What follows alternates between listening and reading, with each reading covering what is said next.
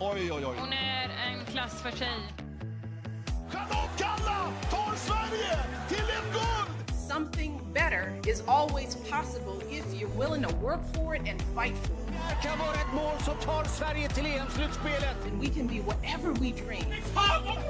Hon sliter, hon sliter. People see us for who we truly are. Jag började så inte tjejer fick spela fotboll. They too will be inspired. Helt plötsligt står jag här som förbundskapten för det svenska damlandslaget. 05, stolpe in. Vilken nagelbitare, vilket drama!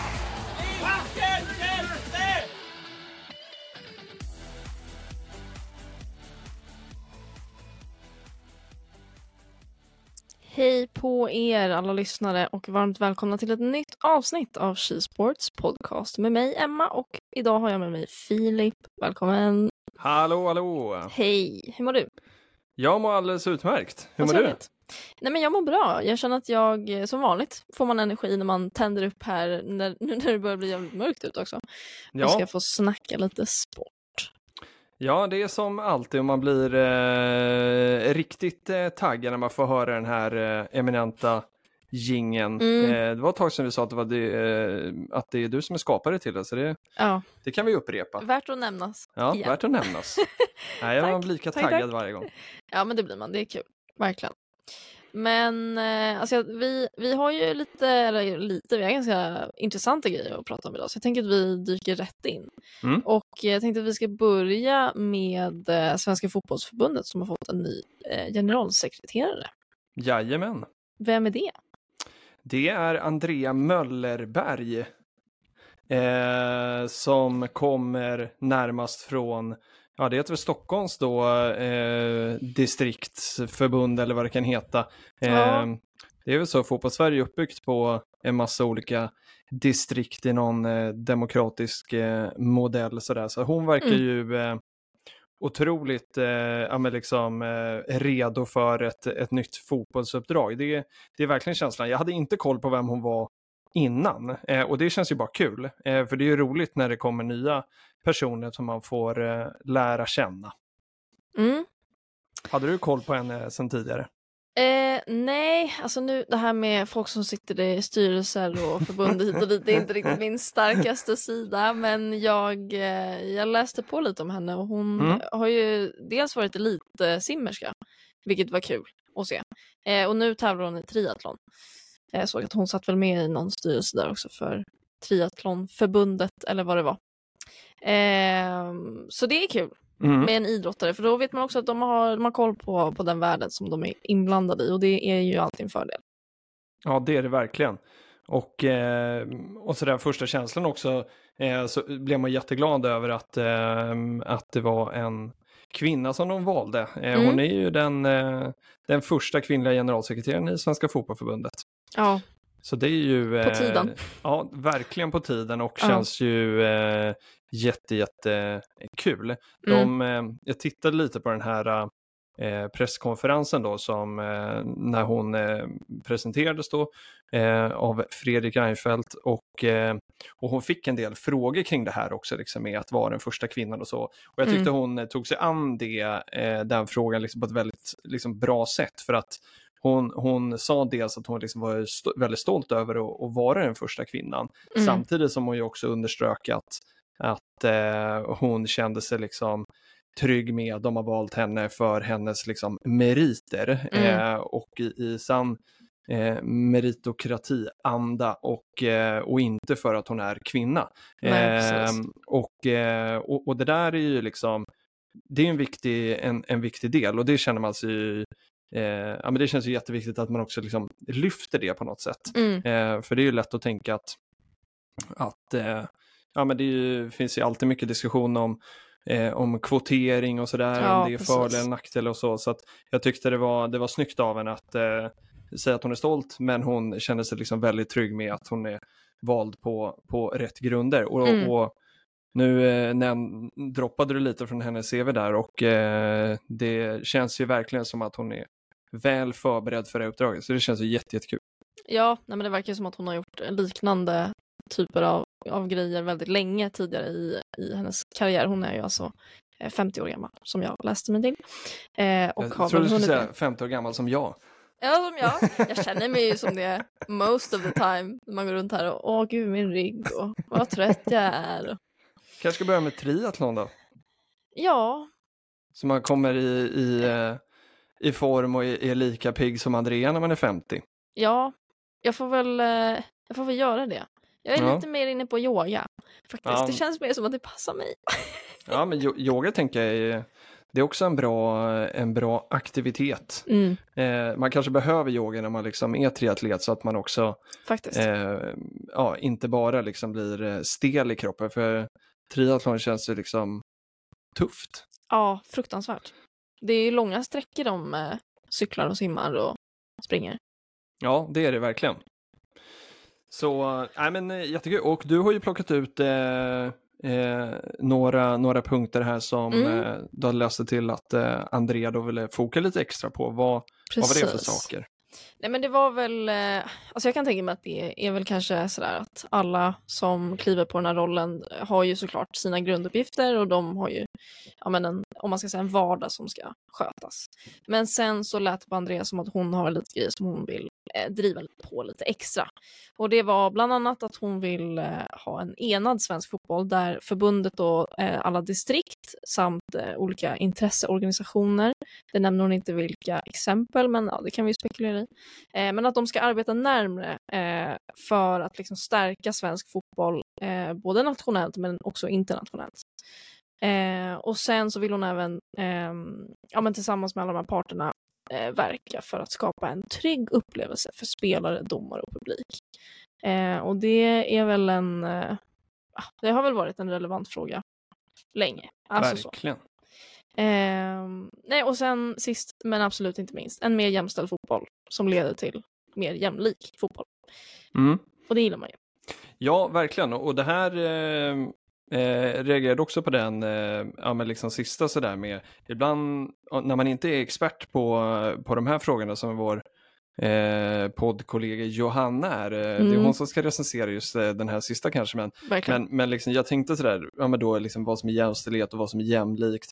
Att, att eh, det kändes som att, ja, men att hon menar att liksom, får man saker och ting och blir liksom jämställt en, en organisation så kommer det liksom leda till att, eh, att alla kanske får samma förutsättningar och, och ja, får liksom verka på, på samma villkor då. Och att det är Mm. det som liksom är jämlikhetsaspekten. Det är inte allt för ofta jag tycker man kanske pratar om skillnaden eh, i de här eh, begreppen. Så jag tyckte Nej. hon, eh, hon beskrev det liksom på ett bra sätt. Så här. Och då känns det som att att eh, ehm, ja, men nu, och där får man väl säga också liksom med, med eh, styrelsen då med Reinfeldt i spetsen som har, har valt henne. Mm. Eh, om man då tänker att man ska hitta en ny generalsekreterare eh, och hitta en person som har eh, eh, tillräckliga liksom, meriter då, så känns det det som kanske har varit ett problem i inte bara idrotten utan näringsliv och på väldigt många ställen länge är att eh, man, man gör det liksom enkelt för sig och, eh,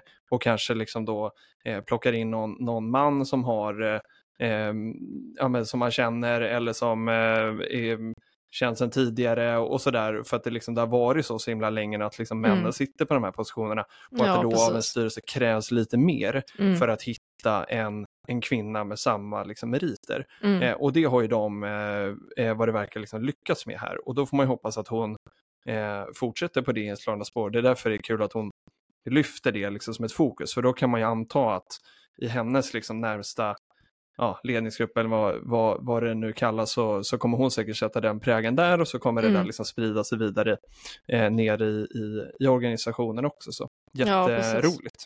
Ja men verkligen. Jag hoppas också att hon får eh, tillräckligt med, eh, med tid och förtroende. Så att, eh, så att det inte blir någon så här stress om de inte känner att så här, om det här känns inte bra första månaden.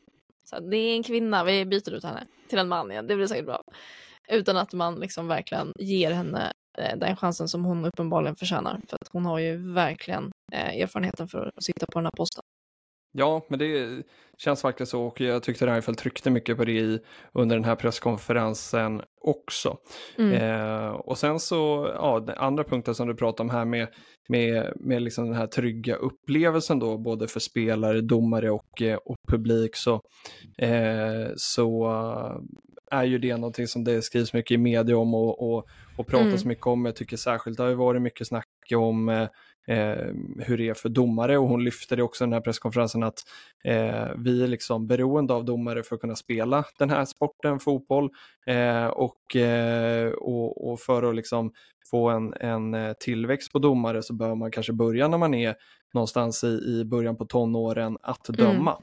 Och då måste man liksom eh, känna sig trygg med när man är 14-15 år att man kan åka ut någonstans i, i eh, på en grusplan eller konstgräs eller vad det nu är och, eh, och känna att här kan jag få döma utan att eh, ja, då ledare och föräldrar och, och sådär, liksom, spelare kanske också för den delen, utsätter en Mm. för, eh, för en massa skit som, eh, som inte hör, hör hemma. Så Nej, det tycker jag är, är schysst att hon trycker på. Sen har vi ju, ja nu har det varit en del, eh, inte i damfotbollen, eh, vad jag vet i alla fall, tack och lov, men i, i herrfotbollen en del stök liksom på, Mm. på läktare och sådär också. Det där är ju någonting som är en evig diskussion någonstans med hur, eh, ja men, jag har gått på herrfotboll liksom i, i hela mitt liv, men, men i väldigt många år och eh, kan ju absolut eh, förstå att man tycker att nej, men det, eh, det är inte tryggt att gå på de här matcherna när man liksom läser vad som händer i media, man ser filmer och, och sådana där. Mm. Och sen, jag har gått på fotboll liksom jättelänge och har liksom aldrig känt mig liksom hotad eh, själv liksom, så även om man kan tycka att det är väldigt otrevligt när det är eh, en, en liksom hetsig stämning och eh, eh, ja, men folk som skriker och, och Mm. gormar på ett sätt som inte är så himla trevligt och har ju därför egen del valt att att, eh, börja gå mer på, på damidrott för jag tycker ja, det passar mig liksom bättre. Men, Mm. men det är intressant att det adresseras någonstans och eh, eh, men det verkar inte skrämma bort liksom alla för det är ju, det är ju fullt även på liksom, eh, eller även, det är ju fullt på många av herrarnas matcher och man Ja, hoppas ju liksom gud, kunna ja. få över det även till, till damfotbollen då, eh, publikmässigt, inte stökmässigt då. Nej, precis. Stöket kan vi lämna helst långt bort utanför arenorna. Men det känns som att eh, damfotbollen inte riktigt eh, står inför samma, samma liksom bekymmer. Jag har inte varit på någon match i alla fall där man har upplevt det. Det var väl något derby Nej. förra året, det var lite stök efter någon match. Men annars så, Mm. annars så känns det som att det är lite en annan typ av, eh, av publik som kommer mycket mer liksom, familjer och eh, en, en, en annan, eh, ja, en mycket mer liksom, familjär stämning på det sättet Ja. som kanske är lite barnanpassad också. Det hoppas man ju verkligen att det får fortsätta vara så eh, ju mer eh, damsporten växer. För då kommer ju publikintresset att öka också. Men att just de här stökigheterna inte också följer med eh, i samband med att publik, publiken ökar. Så att, eh, ja, nej. Stökfritt. Stökfritt. Tack. Du noterade ju också att hon har varit brandman. Ja, Ja. Alltså det stack verkligen ut när jag satt och gjorde min research. Eh, för det var ju så här tidigare uppdrag. Och det var så kul att det stod med. Eh, brandman. Jag vill säga att det var i Katarina brandstation. Eh, inne i stan va? Eh, och det var väl 96 tror jag, så det är ju ett tag sedan. Men eh, ändå riktigt, eh, riktigt coolt. Och eh, ja men det är väl ärofyllt. Eller liksom, vad ska man Ja, säga? verkligen. Kan hon eh, kanske ha en strategi för hur man eh, kan elda bengaler på ett, ett, Ett säkert säkert, sätt. sätt? Ja, precis. Exakt. Ja, nej men det var roligt. Mm, Eh, en, en annan eh, rubrik som eh, rolig ska, ska jag kanske inte säga. Det är säkert vissa som tycker det. Men eh, Jan Andersson har ju fått besked, eller har gett besked, jag vet inte riktigt åt vilket håll det är, men att han inte kommer att vara förbundskapten i herrlandslaget om laget missar EM-slutspel, verkar det Mm. som. Precis. Eh, hur långt tror du att vi är ifrån en kvinnlig förbundskapten, för, alltså för herr, herrlaget? Det är ju en, eh, jag hoppas inte så långt. Jag tror att vi är eh, väldigt långt ifrån. Eh, men, men jag hoppas att man skulle liksom kunna liksom ta, sig, ta sig närmare det. Eh, men det är ju liksom generellt så eh, i, eh, i, i alla fall de sporterna som, som jag följer mest, fotboll och hockey, så, där, så, så ser man inte så många kvinnor i, i liksom, eh, herrarnas liksom representationslag. Man har ju sett någon i, i NHL nu som har, om Mm. det är eh, general manager eller assisterande tränare och, och, och lite sådär. Men eh, så att det är väl liksom på gång någonstans. Men jag tycker liksom att eh, det, det, jag förstår liksom inte varför det skulle kunna vara lika eh, självklart. Eh, och, eh, och förhoppningsvis så liksom tar vi oss närmare det och, och vi kanske tar oss närmare det med en, med en kvinnlig generalsekreterare för att hon har ett Mm. annat perspektiv kanske än, än vad en man har. Så, eh, jag hoppas att vi är nära men eh, skulle jag betta mina pengar så tror jag inte att det blir en kvinna som efterträder eh, Janne Andersson men kanske därefter kan man ju Ja. hoppas. Precis. Och, Nej, men, nej, säger du? Nej, men det, är- jag tycker att det är roligt det där för att eh, ja, men nu när vi precis har avslutat eh, fotbolls-VM och sett eh, både kvinnor och män som eh, huvudtränare så, och där är det inga konstigheter liksom, vem som står. Jag tyckte att det var märkligt med nationaliteterna, men det är en annan fråga. Ja, just det. Ja, Men, det pratade vi om eh, förut. Ja. Ja, exakt. Men, men i, eh, hade det varit ett herrlag så känns det som att det hade varit så himla stora rubriker om det var en kvinna Mm. som stod och bestämde. Så det är lite kul hur, hur skillnaderna ser ut. Ja, och det där är, ehm, jag kommer inte ihåg om jag lyfte i den här podden tidigare eller om jag bara eh, pratat med någon kompis om det, men, men apropå VM där igen, så om jag inte minns helt fel så var det bara kvinnliga domare. Eh, Mm. och, och det eh, tyckte jag då var liksom dåligt. För Mm. att eh, jag tycker där att liksom damidrotten borde då gå i bräschen på och visa att nej men vi, här, här ska vi försöka liksom ha eh, eh, ja, men förutom spelarna då som, som ju behöver vara kvinnor, så, så ska vi liksom alla som är runt omkring och fylla olika funktioner som, som tränare eller funktionärer eller domare eller vad det nu ska kunna vara. Där kan vi hålla liksom en, en jämställd nivå, för kan man Mm. visa att man gör det där, då kommer man också, eh, tror jag, göra det svårare för för eh, herrarna att liksom stå fast vid att de bara ska låta män ha de här positionerna. Mm. Eh, Det finns säkert något exempel med, med eh, för det har vi ju sett i hockeyn i alla fall, så, så har vi en, en, eh, en kvinnlig domare, Anna Hammar, som har dömt, var det linjedomare va, på i, i Mm. hockeyallsvenskan. Och det finns säkert exempel i fotbollen också, men, men där tycker jag man ska gå i bräschen och, och se till att det är jämställt så att man visar att det funkar alldeles utmärkt. Mm. Eh, och och så, så kan man liksom bara flytta över det till, till herridrotten också. Och då, då tror jag att vi liksom tar oss närmare att eh, det kan bli en kvinnlig förbundskapten längs vägen också. För det hade varit väldigt, väldigt kul. Ja, det hade varit eh, riktigt ballt alltså. Verkligen. Men det var, speci- det var speci- vi, vi förberedde ju den här, eh, vi brukar förbereda, förbereda lite agenda innan vi ska podda Mm. och eh, jag såg den här eh, eh, flashen när den kom då att Janne Andersson slutar i landslaget så jag skrev in det i den här agendan och sen har du satt en lite snygg stjärna eh, för att jag läste ju den där för snabbt. Jag trodde att han hade rykt eh, och Ja. sen så var det ju då om, precis som du sa, om, om vi missar då EM-slutspel. Det där är lite, de skrev ju någonting att det var, de har fått mycket frågor om det, så då kanske de bara vill damma av det så att det inte blir några spekulationer, så då vet alla förutsättningarna. Men det är ändå lite speciellt. Alltså Ja, om de nu går dit eh, och lite mot alla odds då på något sätt, eh, tänker man då att ja, men då kommer han hyllas som en hjälte för att han har vänt det här, så då kommer alla vara fine med att han är kvar. ja, jag, Jag vet, det känns jättekonstigt. jag Alltså, hade också tyckt att det var jättejobbigt att vara i Jannes skor och typ såhär, Ja, okej, eh, ja men säg att man klarar det och går vidare, men då vet man ju ändå att så här, ja förmodligen så är det ju ändå ingen som har förtroende för mig egentligen. Även fast de säger att de har det nu, bara för att vi vann och gick vidare liksom. mm, Ja, jag vet fan. Nej, jag vet inte tusan.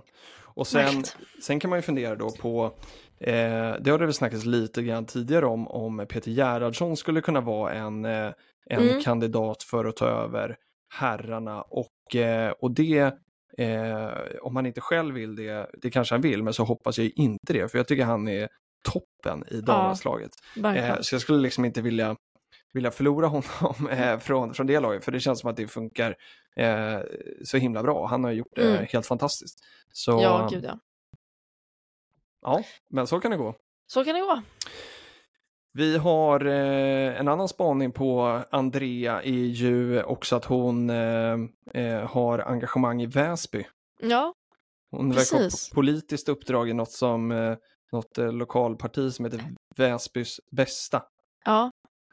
Det, mm, det blir man lite intresserad av. Och sen så var hon även någon slags kultur eh, inte minister, men någon ansvarig i eh, Väsby kommun. Eller Upplands Väsby. Ja, Så att, eh, men det drar ju oss in på lite nästa ämne. Mm. Eh, lite förhastat kanske för att bakgrunden eh, har ju med Malmö FFs satsning på damlaget. Men det var ju också kul när vi såg den här eh, Väsby-kopplingen för vi har ju tänkt att prata om eh, Brödernas Väsby Mm, som de numera heter. mm, Eh, för de, eh, hamburgerkedjan alltså, Brödernas gick in och ja, köpte Väsby Hockey för ja, snart ett år sedan. Och ja, ja, nu när säsongen har dragit igång så heter de ju då Väsby. Eh, eller Brödernas Väsby Mhm. heter de. Och det är ju en stor satsning som de har gjort för att de vill att deras herrlag då, som nu spelar i Hockeyettan, ska gå upp till SHL inom typ tio år. Men våran fråga var ju då så okej, vad kommer den här satsningen innebära för deras eh, liksom dam och, och, eller flickverksamheten? För i dagsläget så har ju Väsby, eh, de började väl satsa på flickverksamheten för några år sedan vet jag. Eh, så att nu har de inget damlag men de har dam, damjuniorer. Eh, men då, då, känner man ju så okej, nu kommer det folk med pengar och ska satsa på den här klubben.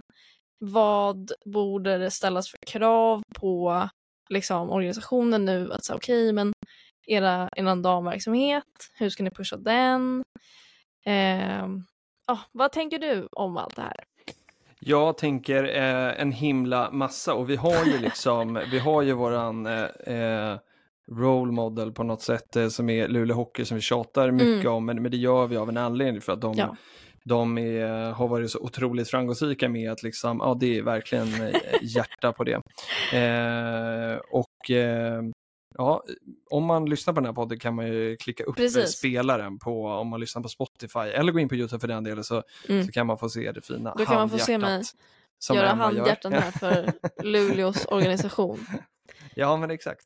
Och eh, nej men, eh, för där, de gjorde ju en, liksom, eh, en strategi för några år sedan eh, med att de skulle satsa eh, väldigt mycket på, på sin damverksamhet och eh, det har ju verkligen gett frukt och Mm. vdn där har ju varit tydlig med att, att eh, det här går liksom åt båda håll så att liksom satsningen på damerna hjälper ju herrarna och liksom tvärtom. Ja, Eh, och så känner vi ju, vi eftersöker liksom fler sådana här eh, strategier.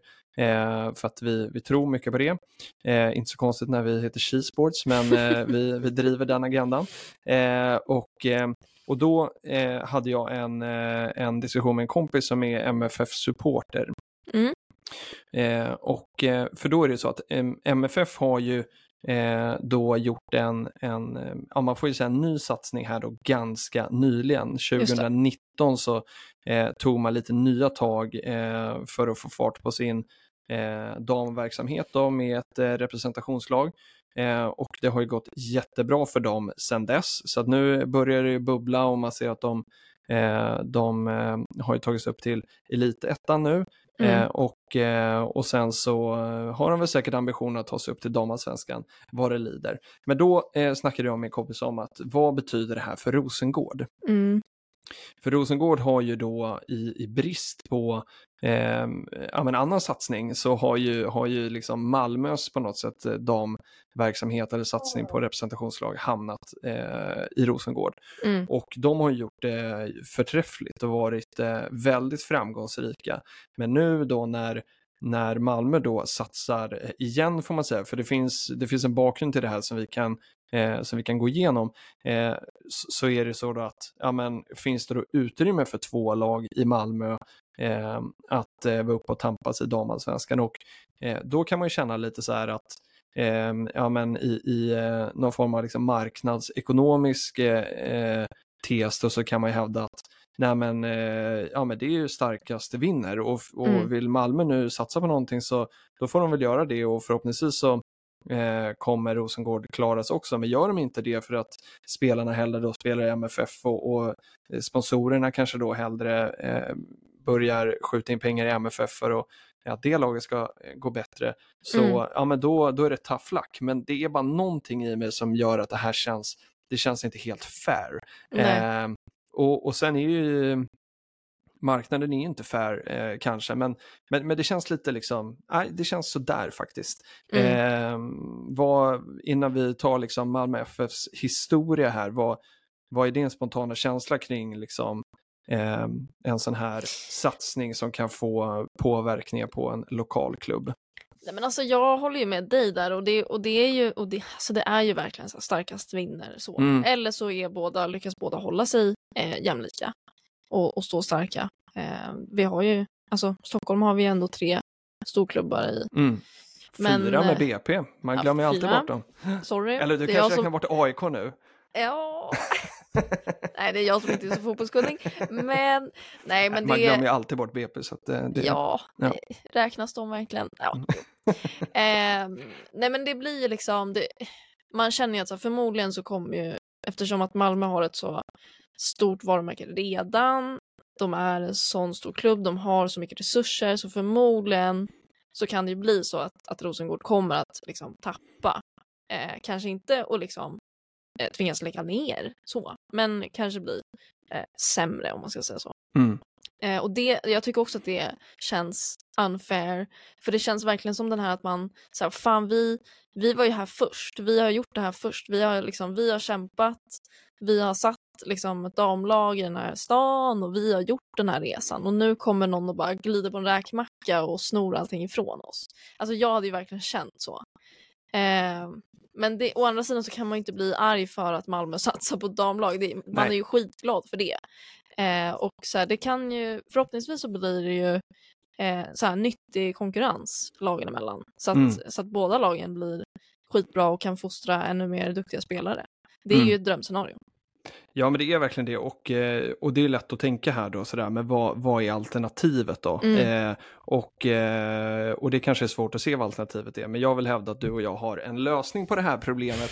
Eh, men, men vi kan ta historien först så kommer vi Ja. tillbaka till lösningen. Och Malmö då, eh, jag gjorde så här, när man vill ta reda på någonting så eh, googlar man ju och så hamnar man ofta på Wikipedia. eh, så där hamnade jag. Eh, så det ni får höra nu går också att läsa på Wikipedia. Jag antar att det, att det stämmer. Jag borde ha stämt av det här med min, eh, med min Ja, MFF-kompis innan. Vi har ju vi- vi liksom litar inte utgett oss för att vara journalister. Vi är ju bara sportfanatiker. Exakt. att- vi ja. tar till oss det vi, vi lyckas hitta. Exakt. Men, men enligt Wikipedia då så, så startade MFF då, det, de startade faktiskt ett damlag 1970, så det, är ju, det får man ändå säga ganska länge sedan. Mm. Eh, och eh, de var ganska framgångsrika, vann fem stycken mästerskapstitlar och två kupptitlar ovanpå det. Mm. Men sen 2007 då så bröt sig damsektionen ur och bakgrunden till det eh, har jag ingen koll på.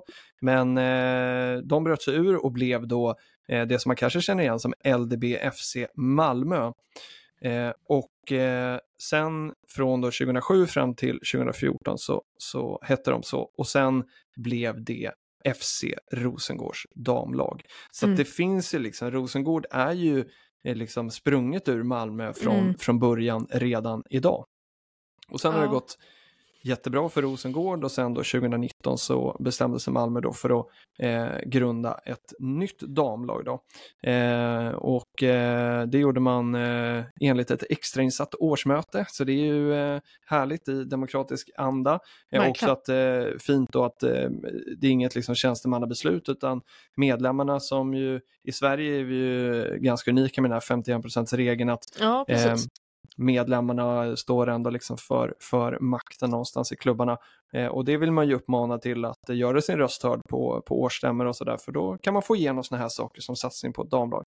Mm. Ehm, och, och eh, så sen då 2020, de startade 2019, 2020 då så eh, började man då i division 4. Det brukar ju vara så att man får, man får jobba sin väg upp.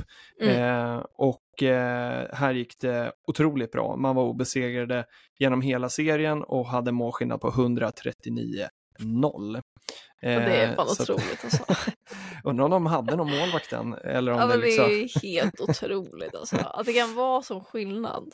Ja, det är tokigt faktiskt. Ja. Och, eh, och det här fortsatte det här segertåget 2021 så vann man då sen eh, division 3, sydvästra Skåne hette den, Mm. eh, efter då 18 raka vinster och eh, 2022 sen så vann man även då division 2 södra Götaland med 20 vinster och en målskillnad på fina 143 5. Mm. Så det var ju eh, riktigt, riktigt fint. Och sen då har jag hamnat då i, i eh, elitettan och eh, där nu eh, ehm, ska man då göra, kämpa då i, i nästa år. Då. Mm. Så det blir ju eh, det blir riktigt spännande. Eh, och någonstans då så kan man ju, eh, ja men så här, lösningen på det här.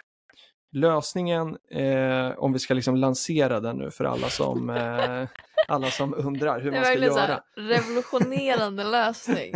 Jag ser eh, rubrikerna i Aftonbladet imorgon.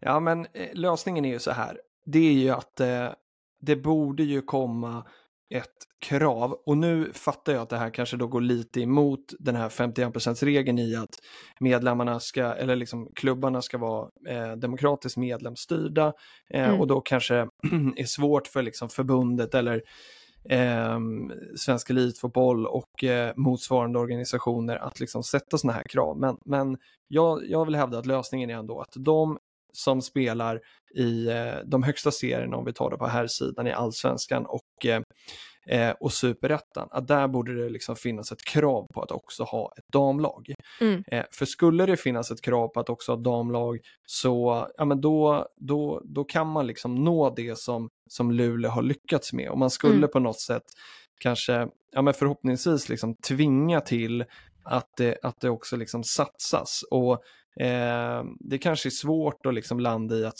så här mycket pengar ska gå eh, till damerna och så här mycket till herrarna. Men, men om man bara liksom inser det som Luleå har lyckats med och, och börjar liksom försöka satsa hyfsat jämnt på sina två representationslag, ja men då kanske man inte skulle ha den här problematiken som, som det nu har blivit att Malmö startade ett lag jätteframgångsrikt men sen så bröt de sig ur och så blev det Rosengård och sen så eh, har då, för det kan man ju då hävda lite nu att Malmö har ju, eh, Malmö FF kan ju då freerida lite här på, eh, på, på det som Rosengård har banat väg för då i, Mm. eh, under alla de här åren emellan och nu kan starta ett lag så finns det en massa intresse där och så kanske det då blir tuffare för, eh, för, för Rosengård att eh, ja men för det handlar mycket om publikunderlag. Mm. Om man tänker att man, ja men som, som du och jag som är uppväxta i, i, i Stockholm, det är lätt att man börjar heja på Djurgården, AIK eller Bayern. Mm. Är man född i Malmö så börjar man väl heja på MFF för det finns inget annat.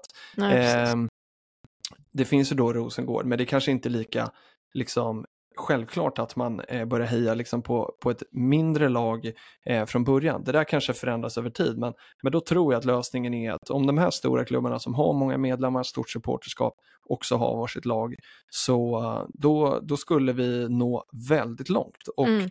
vi skulle kanske uppfylla det här som, som eh, vår nya generalsekreterare då eh, menar är att ja, men om vi ser till att det är jämställt så kommer det också eh, kunna skapas förutsättningar för att det blir jämlikt. Och det är det vi vill nå eh, och kanske inte upplever att eh, det är överallt idag. Mm. Vad säger du om lösningen? Nej men eh, det känns ju som att det bara är implementerat på en gång. Vad sitter vi och diskuterar då? Nej men det är ju verkligen och alltså nu tjatar vi mycket liksom om, om Luleå och, och även Frölunda vill jag säga för nu ha- har inte jag så läst på om hur Frölunda har gjort sin satsning men, men utifrån så känns det ju verkligen som att de lite likt Luleå verkligen vill säga att så här, de här, våra lag är equals. Mm. Vi vill satsa på båda lagen för att bygga en framtid. Mm. Ehm, och det, det tror jag är så jäkla viktigt att man verkligen bara bestämmer sig och sen så så här, ja det får väl ta den tid det tar. Men det är aldrig lätt, alltså saker är aldrig lätt. Man måste ju oftast tvinga sig till nya saker, även Mm. fast det kan kännas tungt, det är jobbigt, det kanske kostar mycket pengar. Men, och därför tror jag som du säger, de här kraven, eh, det låter ju tråkigt att behöva kalla det för krav. Men jag tror att det är viktigt för ja, men att det ska bli av. För annars är det så lätt att, ja, men att man kanske sitter och säger ah, nej, men vi, vi har inte ekonomin för det där just nu. Vi, vi tar det någon annan säsong. Vi skjuter lite på det. Eller ja, vi kan göra lite halvdant. Eh, för det upplever jag nu att det blir, ah, jag hörde någon på stan, men jag, ja, men jag hade en liten diskussion eh, om ekonomi och så i klubbar och eh, då sa den här personen att ja, men det är nästan så att vi pratade hockey och då sa den här personen att ja, men det är nästan så att bara de som spelar i SHL ska få ha ett damlag. Eh, och, och tanken är ju kanske i grunden god för att så här, ja, men då har man förmodligen ekonomin för att kunna ta hand om sitt damlag. Mm. Men då blir det ju nästa fråga, så, okej, vad händer om SHL-laget åker ur SHL? Vad händer med SDHL-laget? Alltså det blir ju sådana grejer. Så det, den, den tror jag är svår liksom. Ja, men det är svårt och här, eh, om man inte har koll på det, så är ju i, problemet i hockeyn där är att det är sån himla stor skillnad mellan då Mm. den högsta ligan SHL och Hockeyallsvenskan under att pengarna man får i tv-avtal och sådär, det, det är så himla många miljoners skillnad. Det är väl Precis. liksom 50 miljoner eller ja, minst. Ja, Eh, och, och, och är det då så att eh, ens herrlag åker ner i Hockeyallsvenskan så då vill man eh, med alla medel man har eh, satsa för att eh, de ska kunna gå upp igen. mm. Och, eh, och, och, och, och där då eh, så skulle då damerna kunna få, få mindre fokus för att man då skulle kunna argumentera för att nej men, om vi bara satsar på herrarna nu, får upp dem i SHL, då kommer Mm. vi sen att ha pengar. Men det där är ju liksom, jag tycker det där är så otroligt kortsiktigt liksom tänkt. ja. Och hamnar man i Hockeyallsvenskan så får man väl liksom eh, mätta mun efter matsäck någonstans och göra eh, så gott man kan liksom, Mm. med, med de resurser man har. För att det man hoppas här, och jag fattar att man kanske tänker att det är svårt att uppnå det nu, men det man vill på sikt är ju, om man tittar på vad Hammarby lyckas med i fotbollen nu till exempel, där de har jättemycket folk på eh, sina damfotbollsmatcher, så kan man lyckas med det då eh, i, i, eh, ja, men med sitt damlag, så att går det då tyngre för herrarna så kanske då damerna kan liksom väga upp det på något Mm. sätt eh, och fortsätta tjäna pengar, för det vi hoppas framåt är att damidrotten ska växa och bli eh, lika liksom inkomstbringande som herrfotbollen är. Mm. Men om man, om man tänker att liksom, eh, nej men vi är inte där idag så därför satsar vi inte på det, nej men då kommer man aldrig heller komma Nej, dit och precis. få en förändring. Så det här Exakt. handlar liksom om riskspridning tycker jag och liksom se till Mm. att, att eh, liksom, ja, satsa på en bredare del av, av, av klubben för att inte vara så liksom sårbar. För det, det är ju klubbarna idag när de åker ut och, och liksom bara inom citationstecken då satsar på, eh, på herrarna. Mm. Eh, då är man ju jättesårbar när man åker ur högsta ligan. Ja, och det är ju, sen är det så här självklart att är man en förening så påverkas ju alla av allt. Mm. Men det är ju tråkigt att det, det är så tydligt att i många fall att damlagen eh, påverkas så mycket av hur det går för herrlaget. Mm. Eh, och det kan ju vara jävligt orättvist om damlaget presterar väldigt bra men så drar de ner resurserna för damlaget för att herrlaget behöver mer pengar.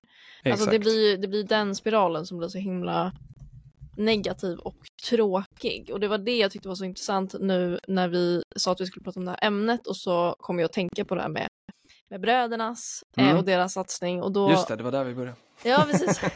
Sluter cirkeln. Nej, men eh, ja, nu när de också har börjat satsa på sin flickorganisation, eh, att liksom, okej, finns det någon plan nu? Ska man istället för att så här, okej, herrlaget ska gå till SHL inom 10 år, ska man säga 15 år och pytsa in lite mer pengar på, på juniorer och damjuniorer istället? Mm. Ehm, det känns ju som en bättre plan långsiktigt, tycker jag. Verkligen. Och, men men eh, sen fattar jag att det är, liksom, det är tufft i det att man, liksom, man har supportrar som också eh, har förväntningar och, och, och är Mm. det så att man är i en klubb där Eh, där de flesta liksom idag följer herrlaget så kanske det inte finns liksom samma tålamod med, eller det krävs ju ganska mycket mod att säga då till sina medlemmar, så här, nej men vi vill faktiskt liksom satsa bredare här nu för att, eh, för att inte hamna i den här situationen om tio år. Mm. Eh, och, eh, men, men det innebär att det kommer ta lite längre tid för oss att liksom ta vårt herrlag tillbaka dit där ni önskar. Och, och, och det där är nog jätte, jättesvårt. Det är nog Ja. många som inte har tålamod med det och tycker att det alls är liksom en klok strategi. Men, men, eh, men där kanske man liksom då skulle kunna hjälpa det med lite lite eh, regler för hur, hur man måste göra det eh, helt enkelt. Så. Men eh, ja, vi får väl se och vi har ju sett det här mönstret även då i med Frölunda nu då i, i SDHL Mm. eh, som eh, ja, men på något sätt då kanske har petat bort Göteborg HC från ja. Göteborgs eh, ja, tronen vet jag inte om man kan säga. De, de har ju fått kämpa i Göteborg i Ja, många, många precis. år. Men, men, men nu då när Frölunda satsar så, ja, men då, eh, då blev det inte så mycket kvar helt enkelt. Nej. Eh, och Göteborg fick ju då dra sig ur SDHL Mm. förra året för att de inte fick det att, eh, att gå ihop. Mm. Eh, och där, eh, ja, nej, knepigt alltså. Verkligen. Det, är- det är svårt. Och ska bara nämna det också nu med Malmö där, så man får ihop hela historien. Nu nämnde jag bara fram till eh, division 2. De spelar ju då alltså division 1 i år Mm. eh, och utklassade även den serien då. Den eh, har nu spelat 22 matcher och de har 66 poäng och tvåan Halmia har 46 så att de leder den med 20 Vad eh, poäng redan och, och är ju eh, därmed klara. Eh, Mm. Så det, det är snyggt. Ja men det är snyggt. Kul och kul för, för deras lag kan jag tänka mig. Det måste vara eh, en häftig grej att få starta igång sådär och bara köra på. Ja, verkligen. Otroligt, eh, otroligt häftigt. Så ja, man får se. Det är, det är ett steg i taget. Och, eh, men då kan man Mm. ju se här då om eh, eh, vår nya eh, generalsekreterare då i sitt politiska parti Väsbys bästa eh, kanske kan utöva lite påtryckning då på brödernas för att Ja, se precis. om, eh, gör de säkert inte, men, men man kan ju hoppas då när det liksom kommer in en ny ägare då i det här fallet med nya friska resurser och kan lägga en strategi att eh, de också tänker att de ska satsa på, på sin damverksamhet. Mm. Eh, Satsa på framtiden. Satsa på enkelt. framtiden. Och det eh, skickade jag ut i, jag har eh, eh, min bästa kompis Gabriel som bor i Växjö och är stort Lakers-fan. Jag har tjatat på honom eh, länge att var är Lakers STH, eller ja, STH-lag, det tar ju en stund att ta sig dit, Ja, men, men vart är också. representationslag? Ja, men nu skickade han till mig igår att kolla nu, nu eh, har vi ett, ett juniorlag här som ska eh, vara med och tävla då i eh, eh, juniorserien. Så det är himla Mm. kul. Så det dröjer nog inte länge förrän vi har Växjö Lakers även i SDHL. Så det tyckte jag var väldigt alltså. positivt. Mm. Ja, fint. Det var, det var jätteroligt att se. Mm. Jag skickade den bilden till mig. Då vart jag glad. Vart Ja, jag. men det blir Mm. man glad. Det är Ja. sånt här som, som eh, skapar lite ljus i den här mörka hösten. Precis. Ska vi, eh, ska vi avsluta med dem, eh, med, de, med de orden? Ja, men det tycker jag. Sen har jag ett tips. Ja. Eh, och jag tycker att eh, om man har möjlighet på söndag eh, så, så kan man slå på TV4 Play eller vilken kanal det nu går på så kan man titta på när Luleå möter AIK och inte för, ja matchen i sig kan det vara spännande också, men Mm. eh, då är det nämligen eh, vår poddkollega Sabina som ska döma den matchen. Woo! Så det eh, ska bli riktigt häftigt alltså. Så det hade Ja. varit typ kul om det blev liksom tittarrekord på den matchen eller något sånt där. Eh, så att vi kan eh, hetsa alla lyssnare att eh, eh, slå på den matchen så att hon eh, känner sig riktigt taggad inför, eh, inför den bataljen. Riktigt kul är det. Ja, eh, stolt. Måste jag Ja, säga. man är Väldigt stolt. stolt. Ja, Ja, det det var ska bli spännande att se hur, eh, hur eh, det går för henne. Hon blev Mm. domare bara förra året så att eh, hon Mm. har gjort raketkarriär här till att få döma högsta ligan. Så det, Ja. det är häftigt. Men är det, det är väl dags för ingen nu eller? Ja, såklart. Det är självklart du får den. Härligt. Ha en fin vecka då. Ja, men detsamma. Hej! Hej, hej. Oj, oj, oj. Hon klass för sig. Charlotte Kalla tar Sverige till ett guld! Something better is always possible if you're willing to work for it and fight for it. Det här kan vara ett mål som tar Sverige till EM-slutspelet. And we can be whatever we dream. Hon sliter, hon sliter. People see us for who we truly are. Jag började så inte tjejer fick spela fotboll. They too will be inspired. Helt plötsligt står jag här som förbundskapten för det svenska damlandslaget. 05, stopp! Vilken nagelbitare, vilket drama!